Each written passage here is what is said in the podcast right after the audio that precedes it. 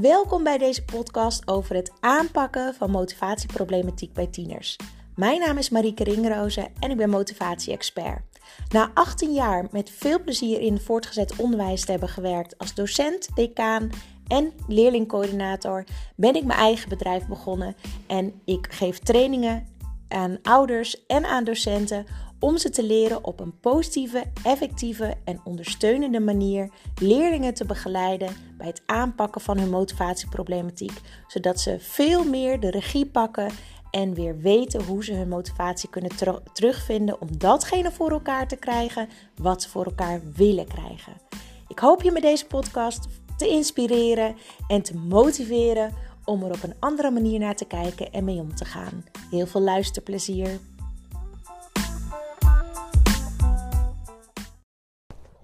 Hallo, hallo. Deze keer een podcast over uh, de brugklasse. Want ik heb natuurlijk binnenkort een informatieavond, een online informatieavond over mijn kind in de brugklas. En toen zat ik later te denken, ja, het kan natuurlijk overkomen van hoezo de brugklas? Dat is toch niet helemaal jouw doelgroep? Nou, je snapt, mijn doelgroep is uh, pubers, hè, dus tieners. En eigenlijk van 10 tot 20 jaar zeg ik altijd. Maar mijn grootste groep klanten is eigenlijk 15, 16, 18 jaar. 17 komt er niet heel veel voor. Maar echt de derde, vierde klassers is eigenlijk de grootste groep waar ik, die ik in begeleiding heb. En dat is helemaal niet zo gek, want dat zijn de bovenbouwleerlingen. En in de bovenbouw, nou, moet je eigenlijk even een, een aantal podcasts terug uh, luisteren over uh, onderschat de bovenbouw niet. Uh, daar leg ik uitgebreid uit wat eigenlijk de worsteling is in de bovenbouw. Hè, met de lesstof die in één keer de diepste, diepte ingaat. En uh, nou goed, ik ga dat niet helemaal opnieuw uitleggen. Dan kan je die podcast even luisteren. Maar waarom dan toch een informatieavond voor ouders van een kind in de brugklas? Nou, dat heeft meerdere redenen. Uh, eigenlijk omdat ik nu heel veel uh, jongeren in mijn praktijk heb die al worstelen met een motivatieprobleem. En mijn missie is natuurlijk om het onnodig afstromen, het onnodig dubleren, het onnodig zakken voor het eindexamen terug te dringen, landelijk. Want ik denk echt dat dat kan. Als je motivatieproblematiek op tijd signaleert en aanpakt op de juiste manier.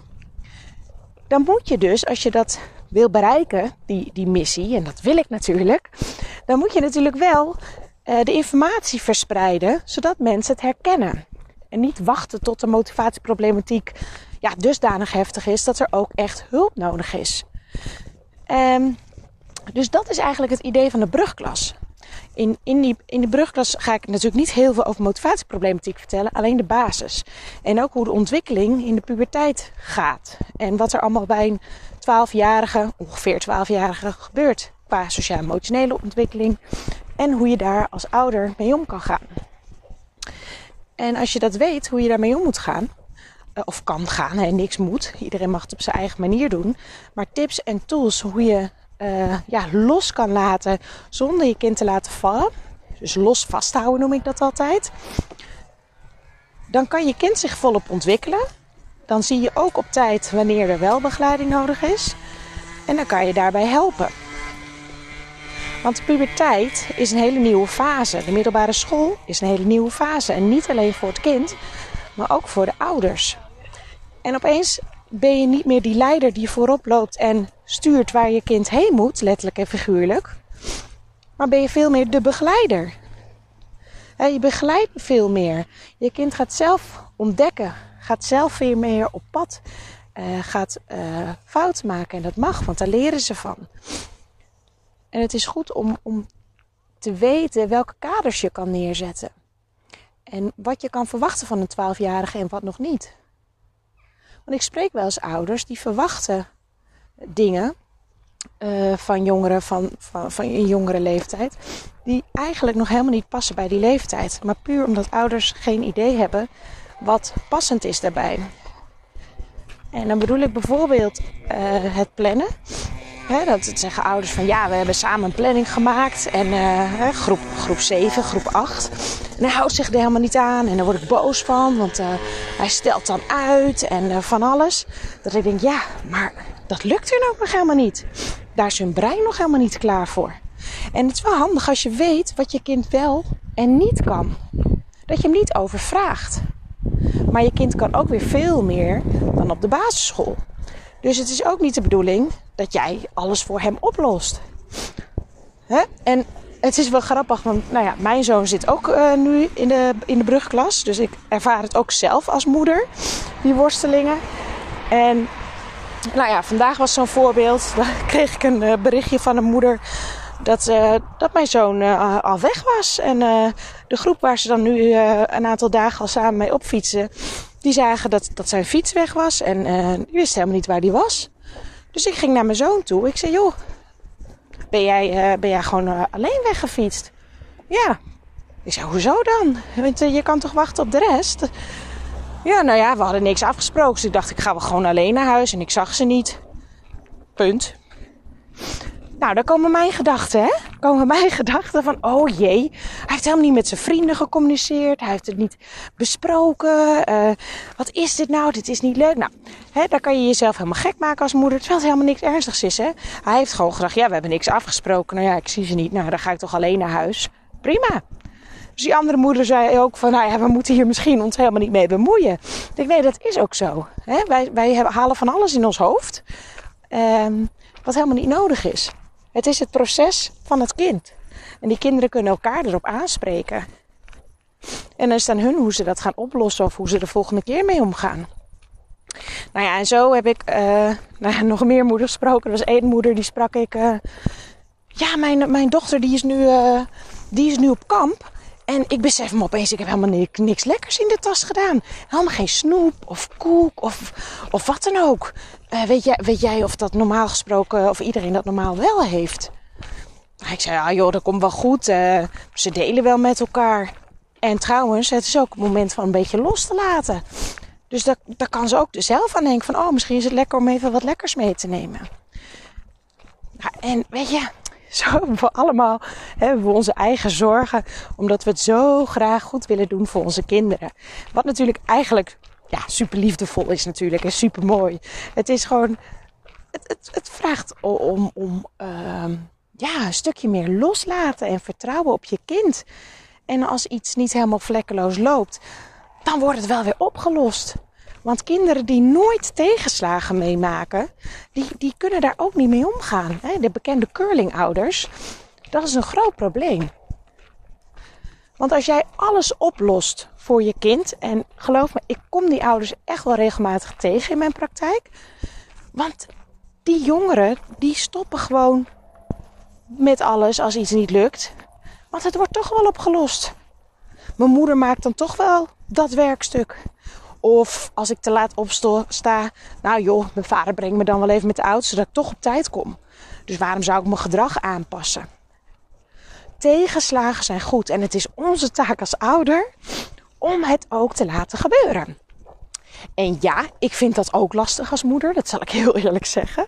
Want je wil niet dat je kind te laat komt of, of gedoe krijgt of, of weet ik veel wat. Maar het is oké. Wij leren daarvan en onze pubers leren er ook van. We mogen erop vertrouwen dat ze met die tegenslagen om kunnen gaan. Dat hebben ze ook nodig. Uh, hè, in, in, het, ja, in het volwassen leven zou ik bijna zeggen. Dus nou, om even terug te komen op de reden van mijn informatieavond voor de brugklas, is eigenlijk dat ik ouders informatie wil geven, basisinformatie eigenlijk over de puberteit en wat er belangrijk is in de eerste klas. Wat kan je verwachten van je kind, wat nog niet. Um, maar ook ervaringen uitwisselen van ouders onderling natuurlijk. Want dat is het mooie, want dat, ja, dat doen we niet echt heel erg veel. Want we zien elkaar niet op het schoolplein staan en dergelijke. Misschien af en toe een beetje appcontact met vriendinnen. Maar ja, niet heel veel met de ouders als je ze al kent uit de klas de nieuwe klas van de middelbare school. Dus ik heb nu uh, afspraken staan met uh, teamleiders en in coördinatoren van de brugklas van de scholen. Om eens informatie te vragen wat hun nou eigenlijk opvalt bij ouders en bij bruggers ehm, in de eerste klas. En wat zij vinden dat ouders echt moeten weten over die eerste fase van de middelbare school. En dat neem ik mee in de informatieavond uh, naar de ouders toe. Want hoe fijn is het dat je gewoon het vertrouwen kan hebben in je eigen informatie, in je eigen tools en eh, je opvoeding op deze leeftijd. Dat is natuurlijk super fijn. Dus daar gaan we voor. Dus eigenlijk om het, ehm, ja, eh, om het op tijd te kunnen signaleren van problematiek. Of eigenlijk om te voorkomen van problematiek. Dat is eigenlijk nog beter gezegd. Want als je als ouder weet hoe je het moet aanpakken, of kan aanpakken, zodat er ja, uh, gecontroleerde strijd is, laat ik het even zo zeggen. Want ik zou niet beweren dat er helemaal geen strijd ontstaat over dingen. Uh, want strijd is ook helemaal niet per se verkeerd. Maar uh, ja, dus nou dat eigenlijk. En dat is ook de reden waarom ik het, het online programma aan het ontwikkelen ben. Van positiviteit in de puberteit. Alle kennis eigenlijk die ik heb opgedaan in de afgelopen 18 jaar voortgezet onderwijs en mijn praktijk met vele gesprekken, stop ik allemaal in, die, in dat online programma. Want eigenlijk als ik terugkijk, heb ik ook zelf heel veel nagedacht. Jeetje, opvoeding. Het is, het is, er is zoveel mogelijk. Wat is nou goed, wat is nou niet goed? Dit wil ik anders doen dan mijn eigen ouders. Ja, en dat stukje deden mijn ouders goed, dat wil ik ook zo doen.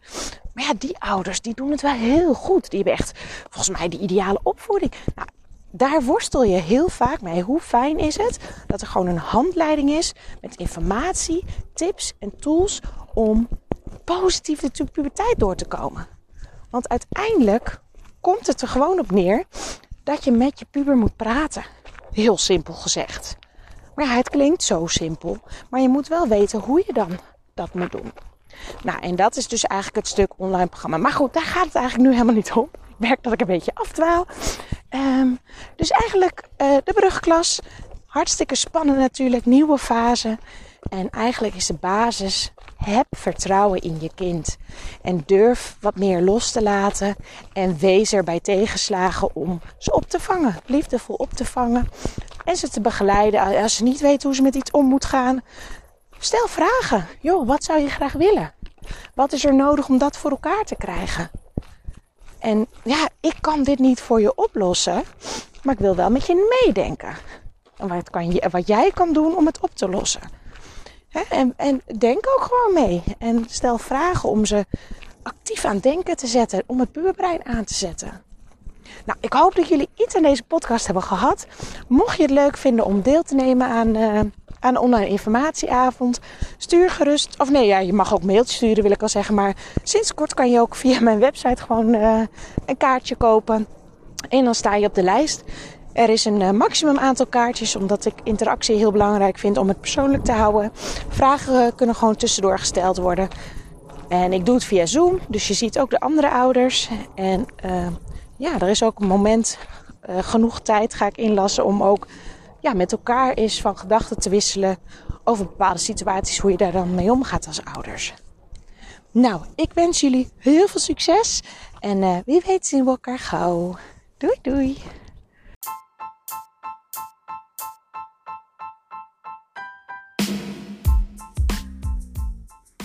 Leuk dat je weer hebt geluisterd. Ik hoop dat je allemaal tips, tools en ideeën hebt opgedaan door deze podcast.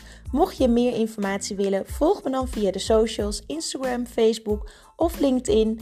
Uh, of stuur me een mailtje of ga naar mijn website www.mariekeringrozen.nl en als je deze podcast inspirerend vond, dan vind ik het super tof als je deze aflevering wilt delen met anderen. En tag mij dan eventjes, zodat ik weet wie er luisteren naar mijn podcast. Dat vind ik altijd super tof om te zien. Alvast bedankt. Doei doei!